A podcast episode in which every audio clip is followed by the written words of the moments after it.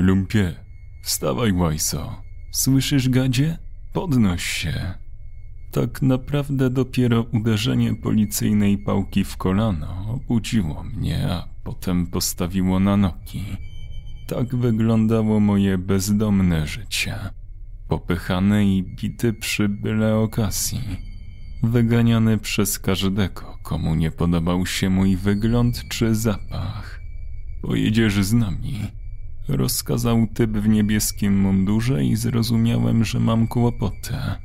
Zdziwiłem się, bo zawsze słyszałem: Wynoś się stąd, czego tu szukasz, nie mam roboty dla takich jak ty, lub po prostu wypierdalaj. Cuchnie kurwa jak moje jaja po służbie. Zaśmiał się ten grubszy, ściągnął służbową rogatywkę, przetarł pod strzoła. Zaczął poprawiać sunięty policyjny pas. Pomożesz młody, czy tylko będziesz stał i patrzył? Jego partner podszedł od tyłu. Złapał skórzany pasek i zarzucił go na jedną z wielu fałd tłuszczu. No, już lepiej, dzięki. Następnie skierował na mnie swój wytrzeszcz. Wsiadaj, brudasie. Żeliwne klucze zabrzęczały w rękach młodego, który po chwili otworzył drewniane, ciężkie drzwi więziennego powozu. Nie wiedziałem, dokąd mnie zabrali, ale pamiętam, że po jakimś czasie bruk się skończył, a ten tent pociągowych koni ucichł. W środku panowała całkowita ciemność. Zapach działał na wyobraźnię. Nie raz, nie dwa, w tym miejscu pewnie ktoś oddawał mocz, żygał lub srał. Nie wiem, jak długo jechaliśmy. Miałem tylko nadzieję, że chodzi o jakieś głupstwo, być może wskazanie kogoś podejrzanego na komisariacie. W końcu wóz stanął gwałtownie, a mną szarpnęło tak, że musiałem zaprzeć się o ławkę. To wtedy poczułem coś lepkiego na dłoni, a następnie machinalnie wytarłem rękę o spodnie. Kiedy otworzyli drzwi, nie oślepiło mnie światło. Zabrali w nocy, a teraz była mgła. Zanim wstałem z ławki, zobaczyłem, jak kłębami wdziera się do środka i rozświetla mrok smutnym, porannym światłem. Co ty tam? Modlisz się? Gruba sponaglił, uderzając o framugę drewnianą pałką. Następnie jej końcówkę wcisnął pod moją pachę, gdy wychodziłem, jakby przerzucał jakąś szmatę z kąta w kąt. Budynek z czerwonej cegły stał samotnie w polu. Wyglądał obskurnie i przypominał rudery, w których nocowali tacy jak ja. Chociaż tu nikt nie krzyczał i nie wyrzucał butelek przez okno. Gdzieś w oddali wściekle ujadał pies. Zagrożenie, którego nie widać, jest znacznie bardziej dojmujące od tego, które znasz i przed którym możesz ułożyć sobie plan ucieczki lub obronę. Kiedy byliśmy już pod wejściowymi drzwiami, z budynku wyszła para z małym dzieckiem. To była ładna i czyściutka dziewczynka o porcelanowej buzi. Uśmiechnęła się, kiedy przechodzili obok. Nachyliłem się do niej, by okazać sympatię i odwzajemnić uśmiech. To wtedy właśnie dostałem drewnianą policyjną pałką przez plecy. Zasyczałem z bólu i złości jednocześnie. Spojrzałem na grubasa, który pałą wskazał wejściowe drzwi. Gdzie do małych dziewczynek, chujcu? Kobieta przyciągnęła do siebie dziewczynkę. Smoknęła ze złości, szepnęła coś na ucho, potem popchnęła dziewczynkę tak, że o mało się nie wywróciła.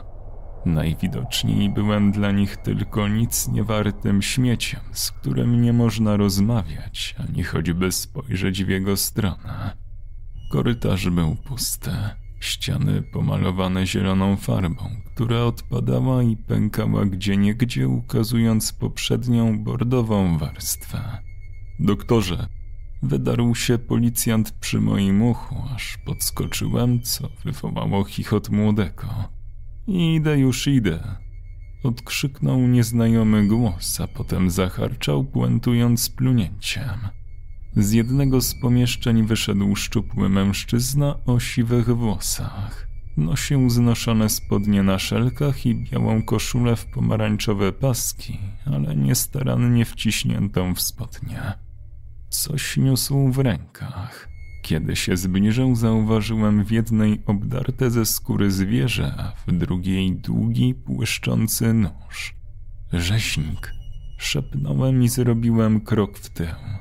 Gruby obejrzał się na mnie z poważną miną, a potem wybuchnął śmiechem tak, że część śliny i resztki, kto wie czego jeszcze, wylądowały na mojej twarzy. Słyszałeś, Artur? Jesteś rzeźnikiem. Ja? Och, proszę nie uwaczać mojej szlachetnej profesji. Ja tu przygotowuję trupy, proszę pana. Myję je, maluję, a potem ładnie ubieram, by w swoim najważniejszym dniu wyglądały na pełne życia. Proszę mi wybaczyć moje odzienie. Spojrzał na zwierzaka, ale kiedy jest robota, staram się być sobą. Zaśmiał się tak gwałtownie, że po chwili śmiech zamienił się w rechot, a potem w kaszel. A to, to tylko królik, którego mam zamiar zjeść na obiad. My właśnie po to tu przyjechaliśmy, powiedział policjant i kiwnął na mnie głową. To znaczy, że nie na obiad, tylko mamy klienta. Ależ, panie władzo, ten człowiek tutaj przecież tak, nie mogę się mylić, oddycha, nawet stoi, nawet na nas zerka. Trochę nerwowo, ale jednak. Pociągnął nosem prosektor. No, może śmierdzi i wygląda jak ci tutaj, ale to delikatna sprawa. Przerwał mu gruby, a potem podszedł do doktora i szepnął kilka słów. Rozumiem. Aha, dobrze, ale policja musi mnie kryć. Doktor spojrzał w moim kierunku, mierząc od stóp do głów. Zaraz zobaczymy, co tam mam w kostnicy. Po co mnie tu przywieźliście? Spytałem, przerywając tą dziwaczną rozmowę. Jest uroczystość, powiedział młody policjant i zaraz spojrzał na swojego przełożonego, szukając w jego oczach aprobatę.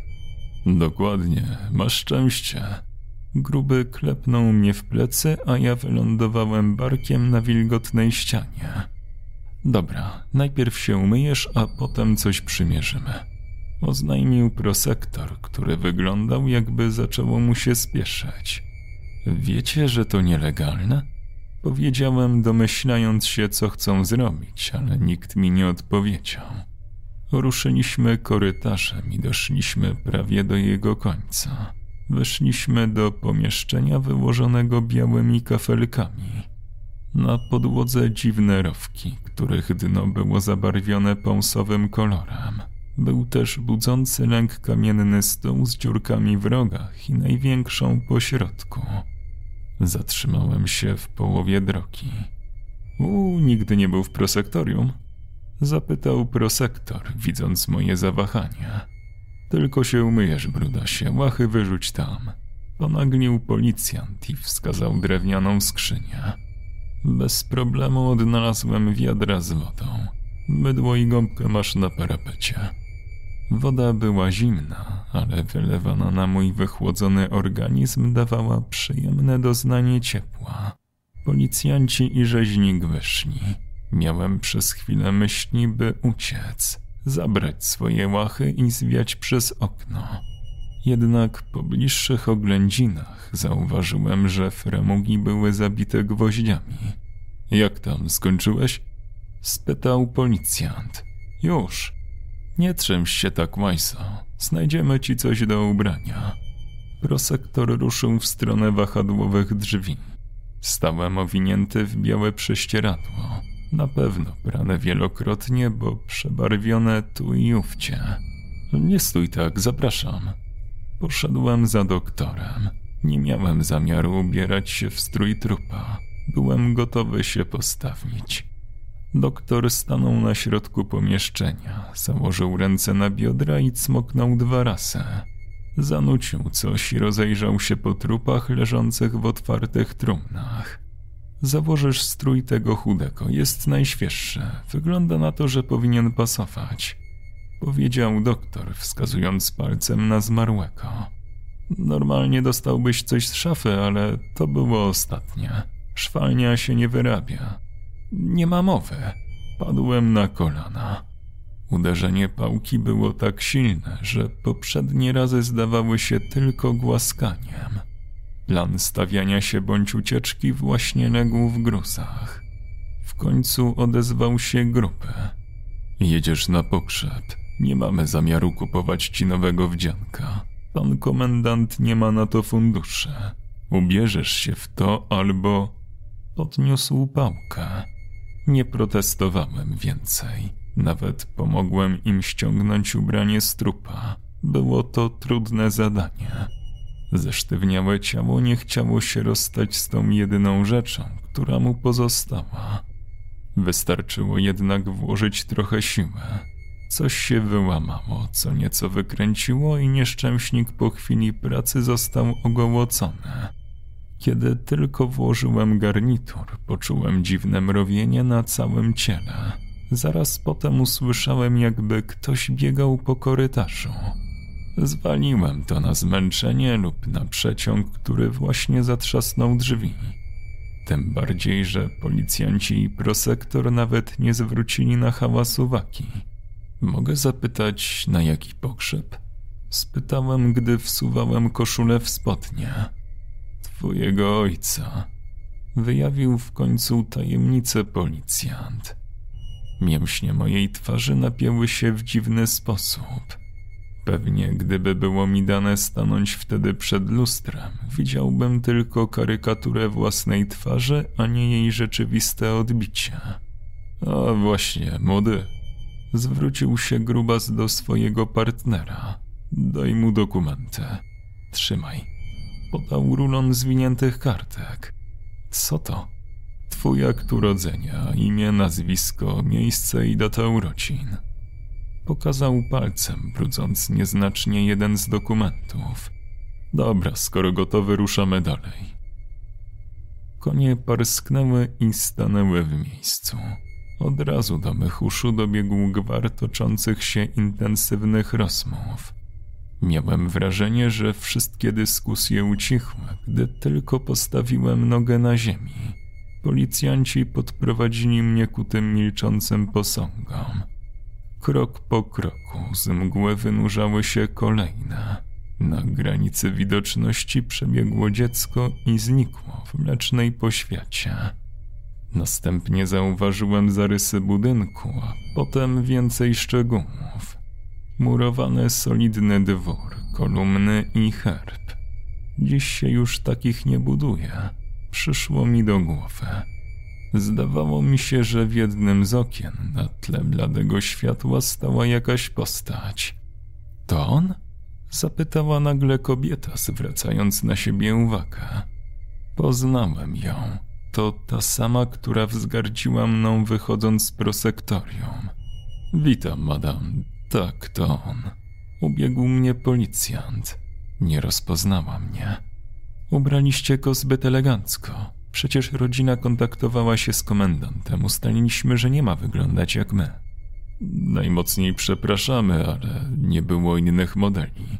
Gruby pokłonił się, ale tylko do pewnego stopnia, jakby uciśnięty pasem tłuszcz, klinował kręgosłup. Wiekim jest? Dostał dokumenty. Jesteś tu po to. Spojrzała na mnie by usłyszeć testament stryja, ale nie licz, że coś ci się należy. Dla mnie mogłoby cię tu nie być. Mieliśmy dwa wyjścia.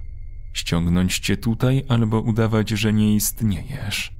To drugie było zbyt ryzykowne. Nasza rodzina nie potrzebuje teraz skandalu. Odwróciła się i odeszła. Teraz radzisz sobie sam powiedział gruby, otrzepując ręce, jakby nie miał z tym wszystkim nic wspólnego, a potem odjechali. Spojrzałem ponownie w okno, w którym widziałem postać, ale już jej nie było. Ruszyłem w kierunku, z którego dochodziły rozmowy. Postacie wyłaniały się powoli z oparów mgły, jakby odsłaniane kurtyny w teatrze ukazywały kolejnych aktorów. Przybyli goście wodzili za mną wzrokiem. Czułem ich zimne spojrzenia, niczym setki małych, lodowych igiełek, które drażniły moją skórę. Odruchowo poprawiłem marynarkę, spoglądając, czy dobrze leżę. A może to twoja zasługa? Pomyślałem. Zdaje się, że karmisz się moim lękiem. Słyszałem szepty i śmiechy. Niechętnie stawiałem kolejne kroki. Wkraczałem w świat, o którym wcześniej nie miałem pojęcia. Nie minęło dużo czasu, a znowu do mych uszu doszedł ten tent koni. Pomyślałem, że policjanci wracają po mnie, że pomylili mnie z kimś innym. Byłem w błędzie. Podwieszona lampa naftowa rozpędzała mgłę. W końcu powóz znalazł się na tyle blisko, że rozpoznałem w nim pogrzebowy karawan. Prrr! krzyknął woźnica. Po jakimś czasie trumnę wniesiono do domu. Ktoś denerwował się, że będzie tu stała przez trzy dni. Inny obgadywał zmarłego człowieka. Słyszałem przekleństwa, rozmowę o pieniądzach, jakie zostawił. Mówiono, że był dziwakiem. Nikt nie płakał, brakowało dobrych słów. Otwórzmy trumnę i przeczytajmy w końcu testament. Krzyknął brodaty mężczyzna. Miejmy to już za sobą. Stałem przy dużym kamiennym piecu, czerpiąc przyjemność z ciepła, jakie zapewniał. Racja, kończmy ten spęd. Szepnął mężczyzna obok mnie do swojego towarzysza. Notariusz podszedł do trumny i ogłosił, co następuje. Zaraz otworzymy trumnę. Według ostatniej woli pana Henryka, testament umieszczony jest w garniturze w wewnętrznej kieszeni po lewej stronie. Trumnonosze odsłonili wieko. Notariusz zbladł i cofnął się o trzy kroki. To niemożliwe. Boże! Reszta zgromadzonych natychmiast zbliżyła się do trumny. Sam uległem zaciekawieniu, gdy zobaczyłem ludzi stojących, jakby byli zahipnotyzowani. Ciało było nagie. Zaczęły się szepty, ale o dziwo usłyszałem też szyderstwa z zaistniałej sytuacji. Albercie, wezwij policję! krzyknęła zaniepokojona bratowa. Po co? spytał towarzyszący jej mężczyzna. Jak po co? Stryj został okradziony. A chuj z nim, dopowiedział ktoś z tłumu. On zniszczył całą naszą rodzinę. Ma to na co zasłużył. Pojawiały się kolejne głosy. Kobieta spojrzała na rozzłoszczonych gości. Czy wy rozumiecie, że bez jego garnituru nie poznamy testamentu? Zapadła cisza. Ludzie umilkli, a ja przypomniałem sobie przebieg dzisiejszego dnia. Przyjrzałem się dokładnie twarzy tego człowieka i zrozumiałem, że mam do czynienia z tą samą martwą osobą, z której zdejmowałem ubranie. Powoli wsunąłem rękę pod marynarkę i sięgnąłem do wewnętrznej kieszeni. Cofnąłem szybko dłoń, czując pod opuszkami palców złożoną kartkę. Na nieszczęście, mój pełen nerwowości ruch zobaczyła bratowa umarlaka. Podeszła do mnie i jeszcze raz przyjrzała mi się z uwagą. Odciągnęła mnie na bok. Skąd masz to ubranie? Szarpnęła za rękaw. Wydaje mi się bardzo znajome.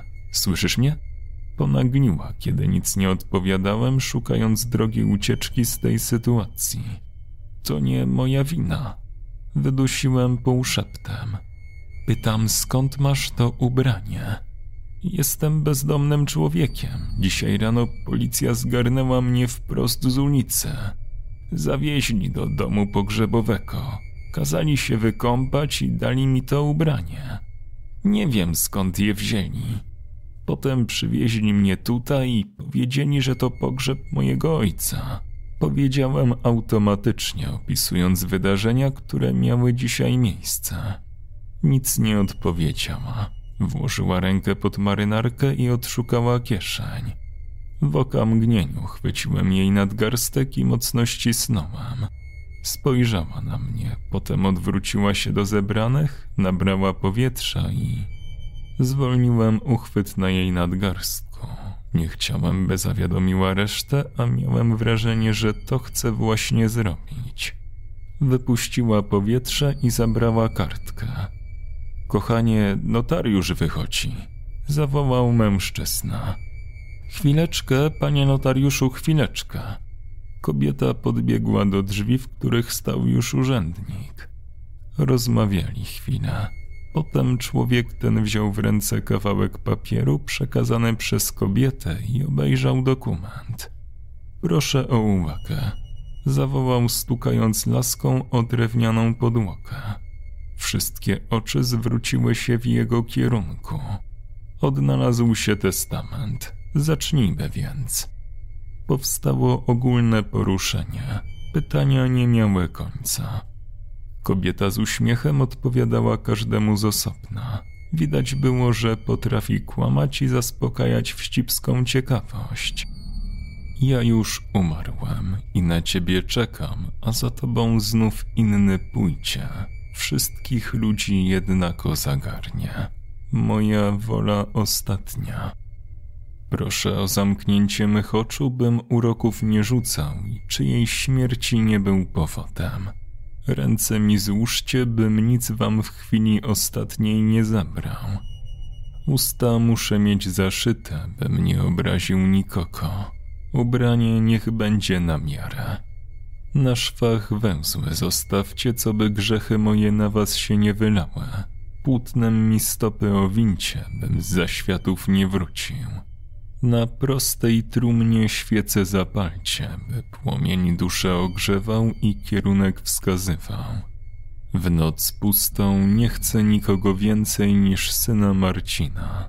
On mym ciałem się zajmie. Nie chcę kościoła ni księdza. Pod wierzbą dół niech wykopie i tam mnie umieści. Cały majątek jemu oddaję, reszta precz. Notariusz zakończył odczytywanie testamentu wśród gromkiego wzburzenia wszystkich zebranych. Poczułem na sobie wściekłe spojrzenia. Dalibóg!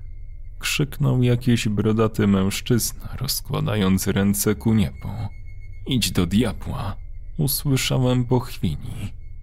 Wokół notariusza zrobiło się gęsto od zdziwionych i wściekłych gości.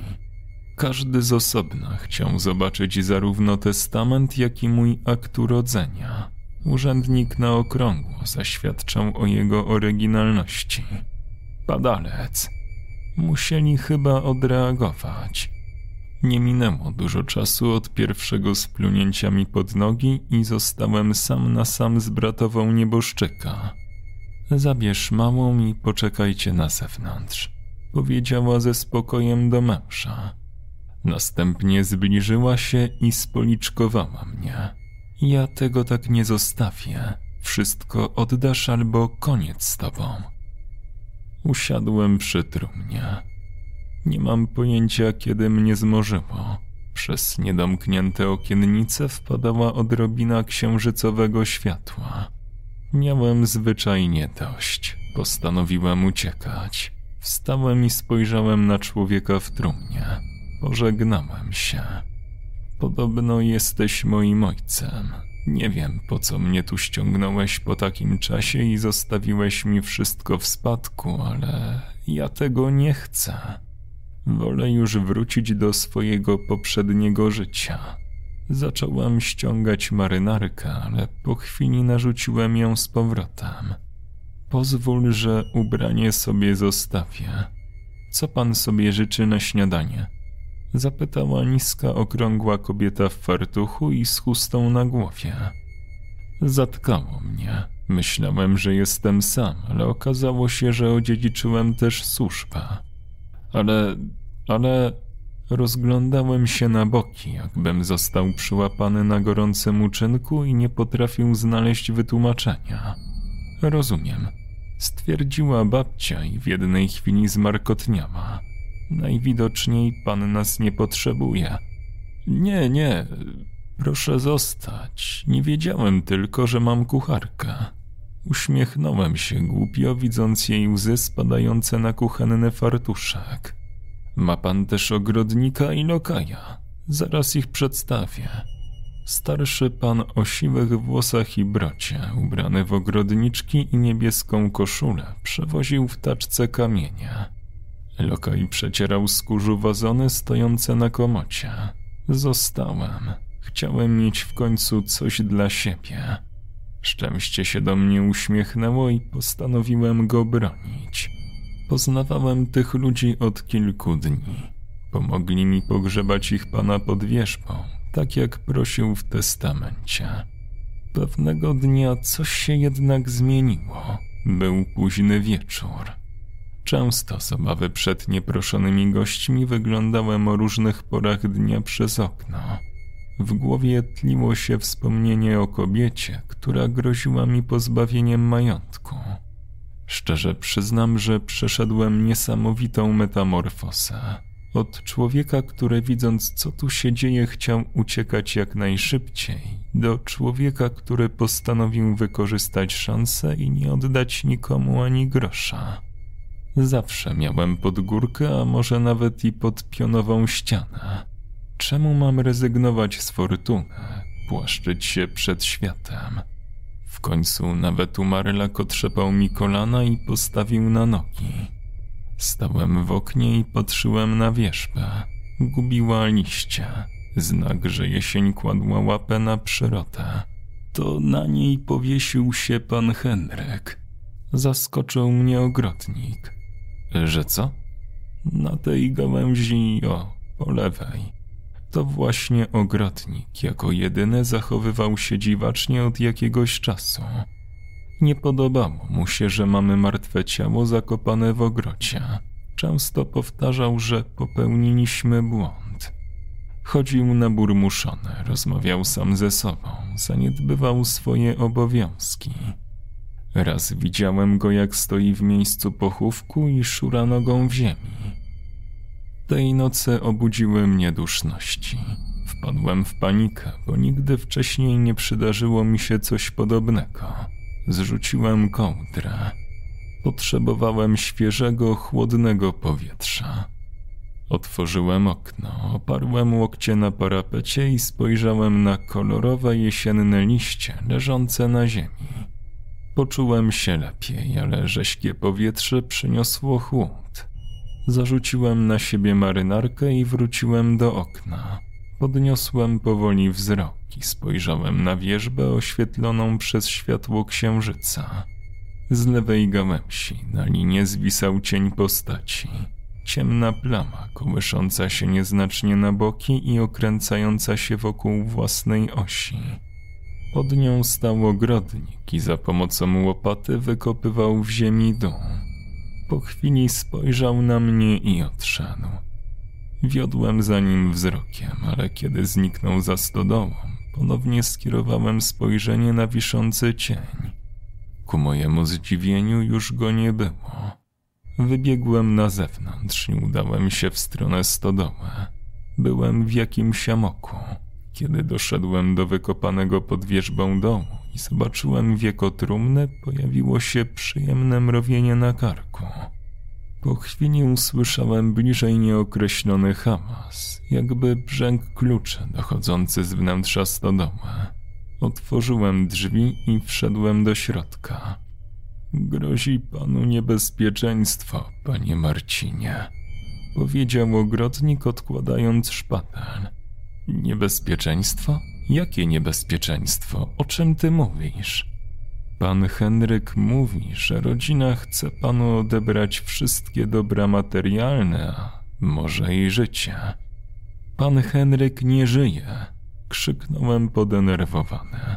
Co to ma znaczyć? Nie żyje, ale jest obecny. Chcę panu coś pokazać, przygotować pana na pewne wydarzenia.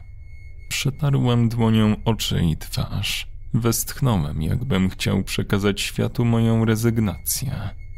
Poprowadził do stogu siana, następnie włożył weń rękę i zapierając się drugą o drewniany słup, wyglądał jakby chciał coś wyciągnąć. Po chwili zauważyłem wystający drewniany drążek, a następnie usłyszałem szczękający łańcuch. Tędy. Doszliśmy do części stajennej, gdzie w jednej z przegród dla koni otwierała się klapa. Co tam jest? Zapytałem oszołomione. Tunel łączący stodołę z domem, ale to nie wszystko. Zeszliśmy po drewnianych schodach do ciasnego tunelu. Widziałem kiedyś takie w znalezionej na ulicy gazecie. Powiedziałem, zatrzymując się przy małych szklanych bańkach z ogniem w środku. To żarówki. Pan Henryk poświęcił wszystko, by zająć się badaniami. Zdążyłam zauważyć, rodzina go nienawidzi. Tak, nawet teraz, gdy spoczywa w ziemi, chcą mu zaszkodzić, ale kierując swoje pełne złości pretensje i emocje na pana, nie wiedzą, że wyrządzają mu przysługę. Mogę się jakoś bronić przed tymi ludźmi? Ich strach jest kluczowy. Znowu się przebudziłem. Nie wiedziałem, czy poprzednie wydarzenia rozgrywały się na jawie, czy były tylko realistycznym snem. Myślałem o tym, o czym usłyszałem od ogrodnika. O przekaźnikach energii, miedzianych kablach, prądzie statycznym, mechanizmach zamykających lub otwierających zbrojone drzwi i tranzystorach energii. Rozmyślałem o pustych przestrzeniach między ścianami, tajemnych przejściach, zapadniach, pułapkach i tunelu. O garniturze, który podobno pobiera ze mnie elektryczną energię, powstałą w wyniku moich obaw i lęków. Nieznane mi wcześniej ekrany pokazujące wnętrze domu jednak tym, co najbardziej nie dawało mi spać, było urządzenie umożliwiające powrót z zaświatów. Urządzenie, nad którym pracował mój ojciec i nazwał je portalem. Łomot do drzwi postawił mnie na nogi. Podbiegłem do okna. Było jasno. Pokręciłem głową z niedowierzaniem na widok tego, kto przybył z wizytą. Otworzyłem drzwi. Namyślił się pan? Spytała. Spoglądałem na małą dziewczynkę, która trzymała kobietę za rękę. Proszę wejść, zapraszam. Na pewno się dogadamy. Zauważyłem, że moja propozycja zbiła ją z tropu. Nie czuła do mnie żadnego szacunku, ale jednocześnie była w stanie stłumić własne ego, by zyskać majątek. Tylko najmłodsza krew zapewni mi powrót. Nie wiem, czemu nie zdziwił mnie obcy głos we własnej głowie. Natomiast po usłyszeniu tych słów poczułem czyste pragnienie zrobienia im krzywdy. Nie mam zamiaru iść na żadne ustępstwa. Oddasz wszystko rodzinie i wrócisz skąd przybyłeś stwierdziła, przybliżając się do mojej twarzy, jakby miało jej to zapewnić lepszą pozycję w negocjacjach. Dziewczynka rozglądała się z zaciekawieniem po pomieszczeniu i nie zwracała uwagi na naszą rozmowę. Potrzebuję jej energii, jej strachu. Moją głowę przeszył ból, po którym nastąpiły obrazy. Droga przez tunel, dziwna muzyka. Ja też nie mam zamiaru iść na ustępstwa, proszę pani. To dlaczego mnie tu wpuściłeś? Zdziwiła się i zmarszczyła brwi. Daj mi jej strach. Zaprosiłem cię, bo chcę, byś się bała. Odpowiedziałem spokojnie. Ania, wychodzimy. Wyciągnęła rękę w kierunku dziecka. Teraz, Marcinie, nigdzie nie wyjdziecie. Ryknąłem, a potem uderzyłem ją pięścią w twarz. Upadła i od razu straciła przytomność. Spojrzałem na dziewczynkę. Jej włosy naelektryzowały się i uniosły. Nie krzyczała i nie płakała. Pomyślałem, że jej strach elektryzuje powietrze. Poczułem ciarki na skórze, kiedy tylko pomyślałem o zabawie wchowanego. Zaraz potem cienkie i świecące nitki zatańczyły na mojej marynarce. Dziewczynka wykorzystała moment mojego gapiostwa i znikła mi z oczu. Otworzyłem szafę i przez ukryte drzwiczki przedostałem się do pustych wnęk między ścianami.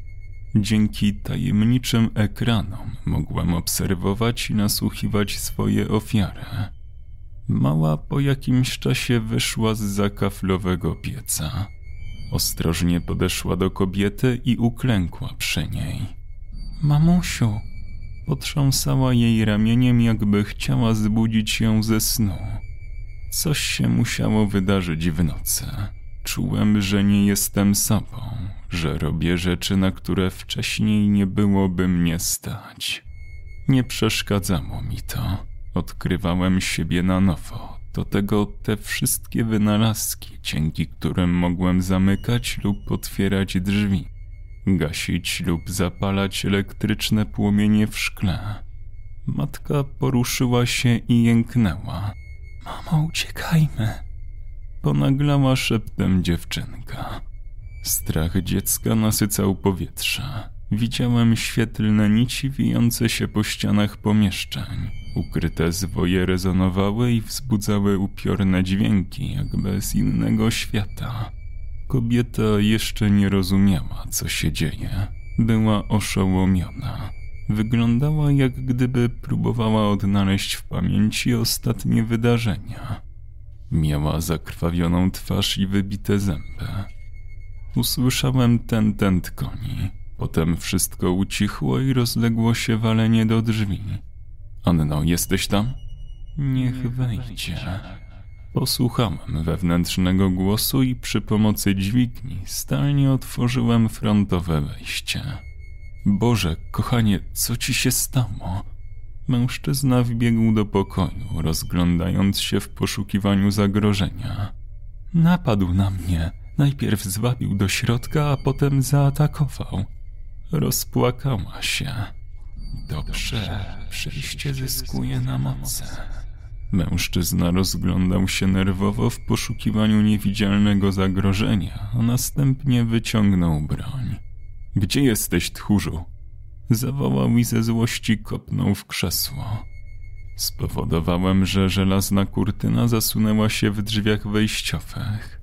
Potem poszedłem między ścianami kawałek dalej i zasłoniłem okna. Na końcu kolejne drzwi między poszczególnymi pokojami.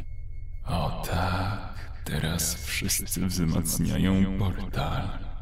Łaknąłem ich strachu. Mijały kolejne minuty. Bywało, że oboje wydzierali się, wyzywali mnie, grozili mi, ale ich osobliwe zachowanie potęgowało tylko strach dziewczynki, który wsiąkał w cały dom. Czas Ostatnie słowa w mojej głowie, jakie usłyszałem tej nocy. Upiorna melodia, złożona z coraz to silniejszych wyładowań, kreowała moje postępowanie. Czułem się z tym dobrze, razem z niepokojącą muzyką nakręcałem się jeszcze bardziej. Stawałem się ważny, a uczucie, że uczestniczę w czymś wyjątkowym, nie pozwalało mi przestać. Na jednym z ekranów zobaczyłem ogrodnika. Nie wiem skąd się wziął. Nie miał jak tam wejść. Mimo wszystko udało mu się przedostać do sąsiadującego pomieszczenia. Może znał przejścia, o których nie chciał mi mówić. W każdym razie pociągnąłem dźwignię. Mąż kobiety kazał im zostać. Wycelował broń w szczelinę rozwartych drzwi i powoli ruszył w ich stronę, zachowując ostrożność. Nagle broń wystrzeliła. Prysnęły drzazgi z uszkodzonej framuki. Ponowił strzał. Ogrodnik stał niewzruszony. Uniósł łopatę, o którą przed chwilą się opierał i zrobił kilka kroków przed siebie. Kolejny strzał. Ogrodnik parł dalej. Kiedy był blisko, zamachnął się łopatą i wbił ją w głowę mężczyzny tak, że utkwiła w jego czaszce. Potem uniósł bezwładne ciało i nie pozwalał mu opaść na ziemię. Nie wiem skąd staruszek wziął tyle siły. Postanowił nawet wejść z nim do pokoju, gdzie czekała przestraszona kobieta i córka. Dopiero kiedy krzyknęły i wtuliły się w siebie, opuścił łopatę z nabitym na nią trupem. Nadepnął na szyję mężczyzny i z całych sił wyszarpał żelastwo z głowy pechowca. Ściany i urządzenia w nich umieszczone nasyciły się energią i znowu zabuczały nieoczywistym dźwiękiem. Teraz wy, powiedział ze spokojem w głosie ogrodnik. Proszę, pozwól małej żyć, błagała kobieta, cofając się pod ścianę. Wydawało mi się, że mogę to przerwać, gdybym tylko zdjął z siebie ten garnitur. Ogrodnik by zniknął, a te dwie niewiasty ocalałe. Już niedługo wrócę. Usłyszałem w głowie. Nie wiem, czy jest tu ktoś, kto chciałby, żebym pozbył się pogrzebowego stroju. Natomiast wiem, że znajdzie się kilka osób, które chciałyby wiedzieć, co z portalem. Kobietę zabił ogrodnik, a małą Loka i kucharka, którzy już na nią czekali w sąsiadującym pomieszczeniu. Nie wiem, co z nią zrobili, bo głos kazał mi zejść do portalu. Kiedy schodziłem, słyszałem jej płacz, który nagle urwał się w jednej chwili. A może to tylko ta melodia? Portal skrzył się i strzelał wyładowaniami.